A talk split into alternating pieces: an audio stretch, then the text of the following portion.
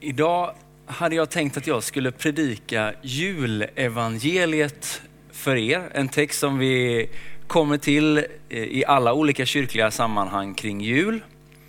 Det är en text som de flesta av oss har någon form av relation till. Antingen genom predikningar eller genom filmer eller draman eller genom dekoration hemma. Det är en text som nästan kan bli lite blasé för att man har hört den så många gånger. Men idag skulle jag vilja säga att det är en text som egentligen aldrig borde bli blasé, för det är en så laddad story. Så nu tänkte jag ta med dig till Lukas andra kapitel, vers 1 till 20. Och missade du att läsa julevangeliet igår så gör vi det idag tillsammans här. Vid den tiden utfärdade kejsar Augustus en förordning om att hela världen skulle skattskrivas.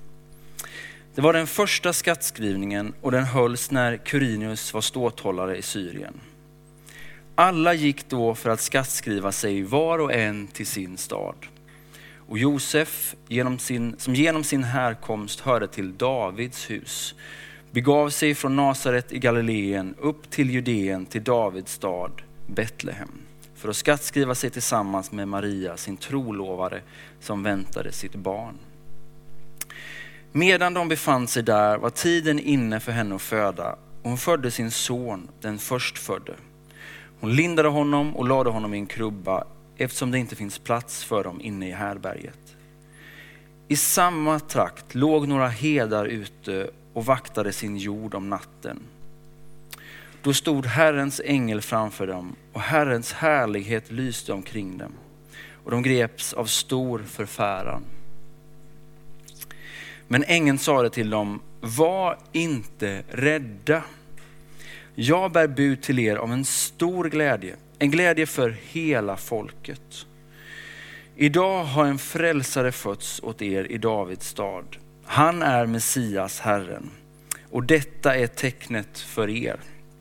Ni ska finna ett nyfött barn som är lindat och ligger i en krubba.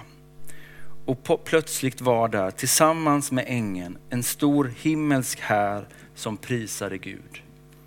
Ära i höjden åt Gud och på jorden fred åt dem som han har utvalt. När änglarna hade farit ifrån dem upp till himlen sade hedarna till varandra, låt oss gå in till Betlehem och se vad som har hänt och som Herren har låtit oss veta. De skyndade iväg och fann Maria och Josef och det nyfödda barnet som låg i krubban. När de hade sett det berättade de vad som hade sagts till dem om detta barn. Alla som hörde det häpnade över vad herdarna sade. Maria tog allt detta till sitt hjärta och begrundade det. Och hedarna vände tillbaka och prisade och lovade Gud för vad de hade fått höra och se. Allt var så som det hade sagts dem.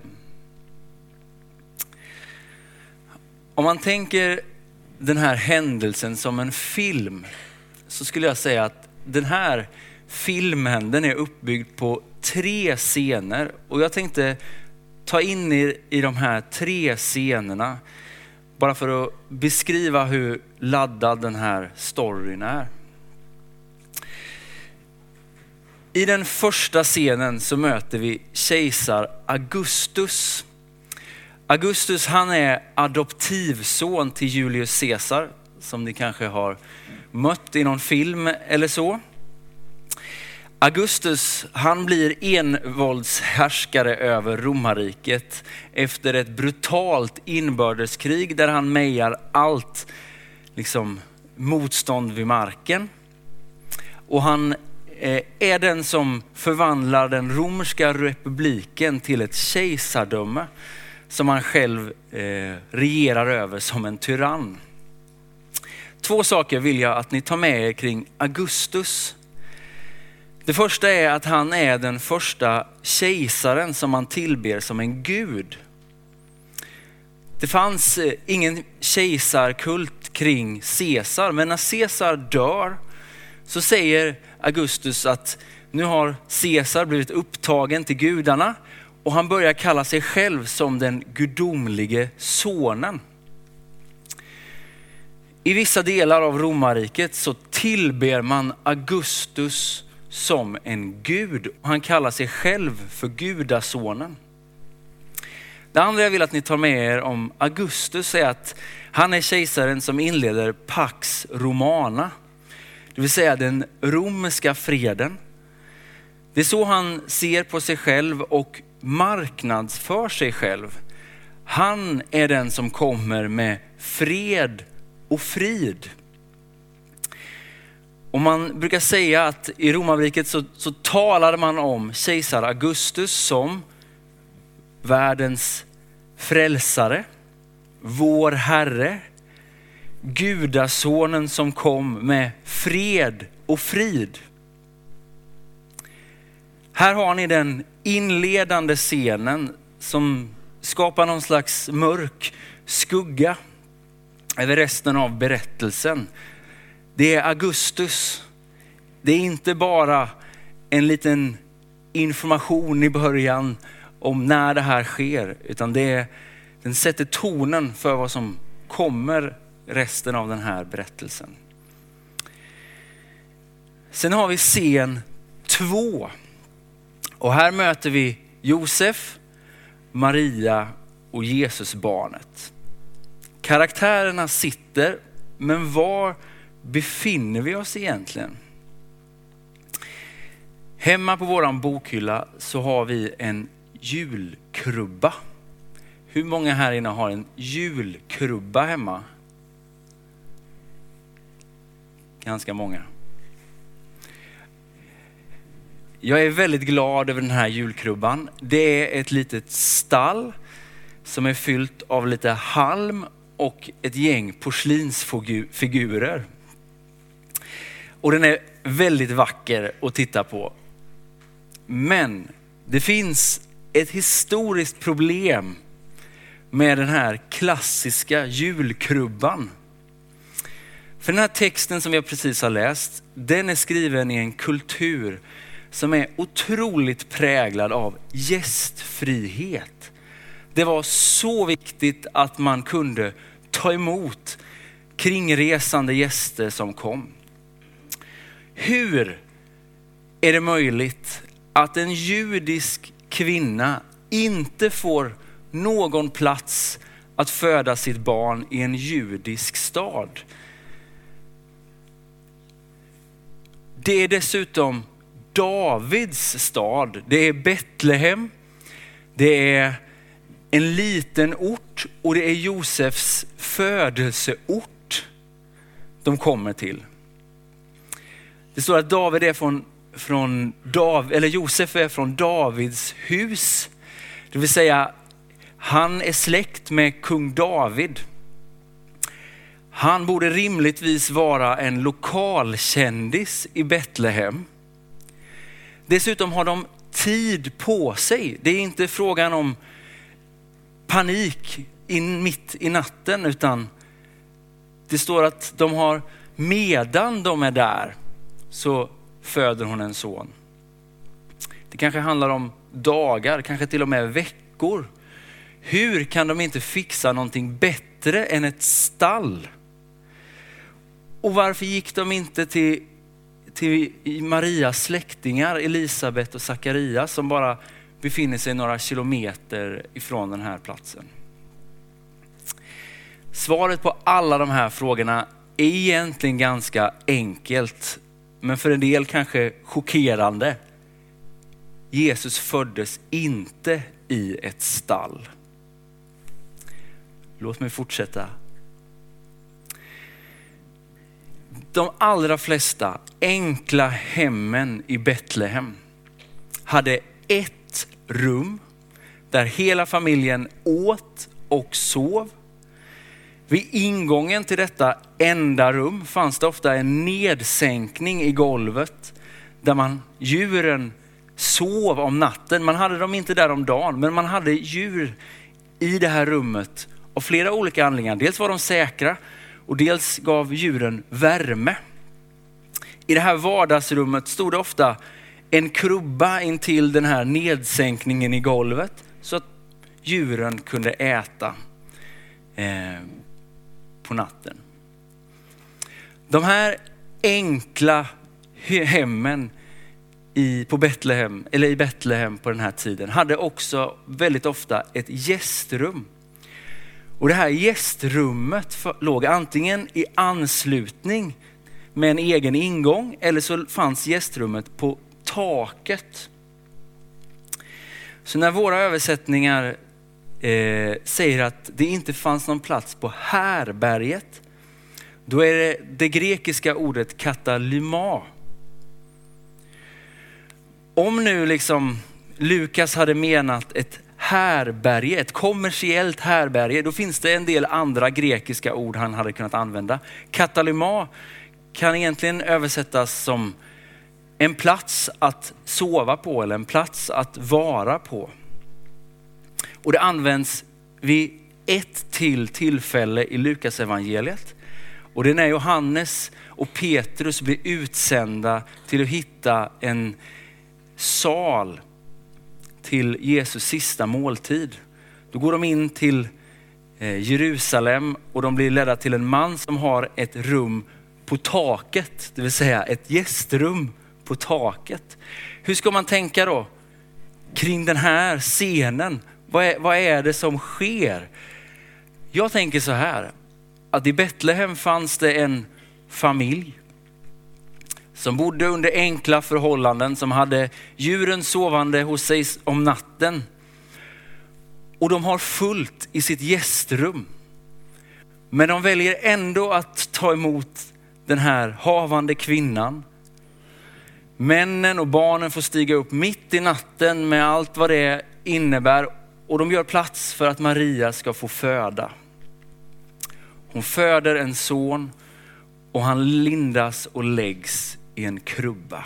Här, i ett enkelt hem i Betlehem, så föds Guds son, världens frälsare, han som kommer med verklig fred och frid.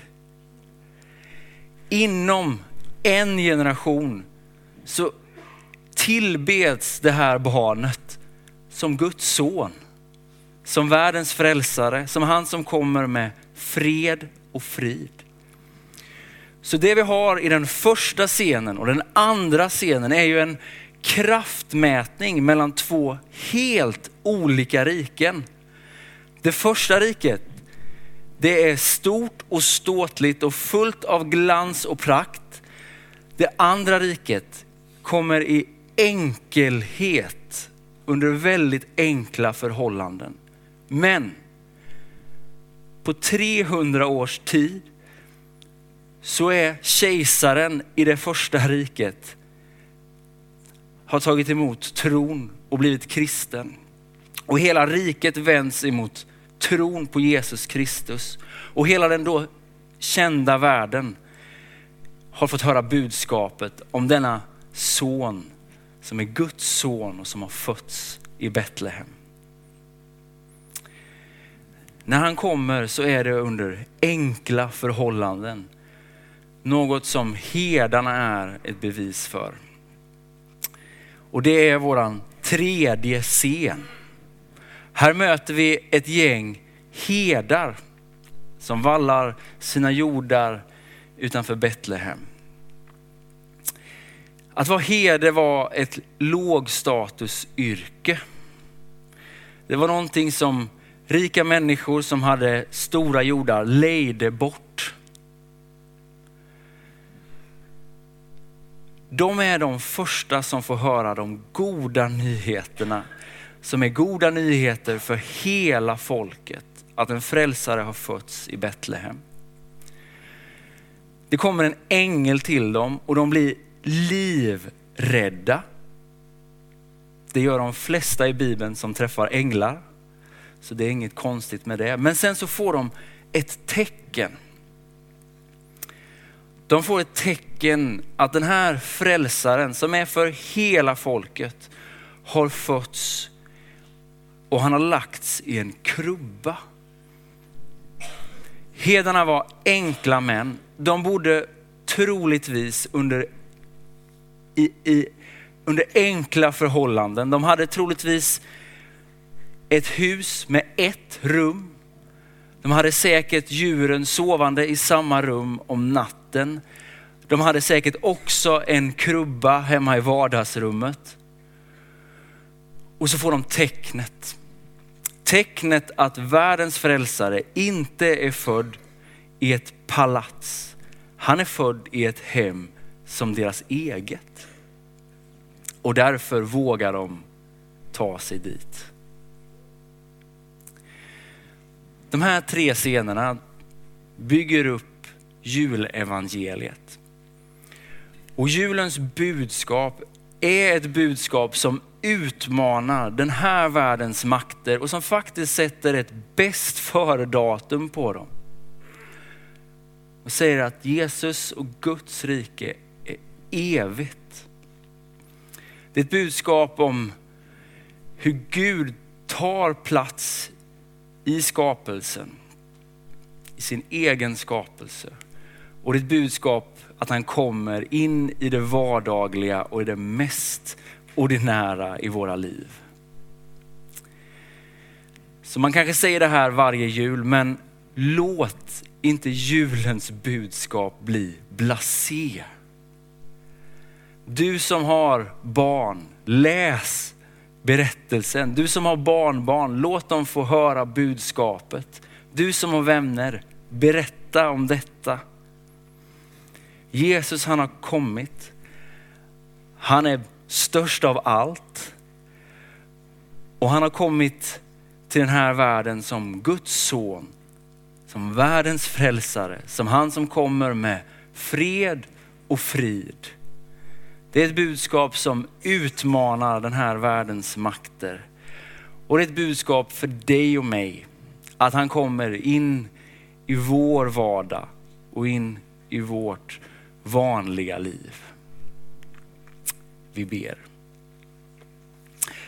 Herre, jag tackar dig för att du kom under enkla förhållanden, Herre. Du kom till ett enkelt hem i Betlehem. Du lindades och du la sin krubba. Du kom in i en enkel vardag. I det som hedarna kände till, Herre. Och samtidigt så är du Guds son, du är världens frälsare. Du är den som kommer med fred och frid, Herre. Och ditt rike har inte ett bäst förumdatum, Herre. Det är evigt, Herre. Jag tackar dig Herre för julens budskap Herre. Hjälp oss att inte göra det till blasé Herre. Utan förstå storheten utav vad som hände den där första julen Herre. Låt vårt firande få präglas av det Herre, av din närvaro Herre. Jag tackar dig att den är lika påtaglig idag som den var för 2000 år sedan Herre. Kom med din fred och med din frid in i våra julfiranden, Herre. Och gör våran ledighet framöver här, Jesus. Och in i våra liv. Jag tackar dig Herre för att du känner oss alla. Du vet vad vi har med oss i bagaget Herre. Du vet vilken jul vi har firat du vet om den har varit fylld av släkt och familj och du vet om den har varit ensam och långtråkig Herre. Jesus, jag tackar dig att du också vill komma till oss Herre. In i våra vanliga vardagliga liv Herre. Det är där du vill möta med var och en av oss Herre. Hjälp oss att öppna våra hjärtan för dig. I Jesu namn. Amen.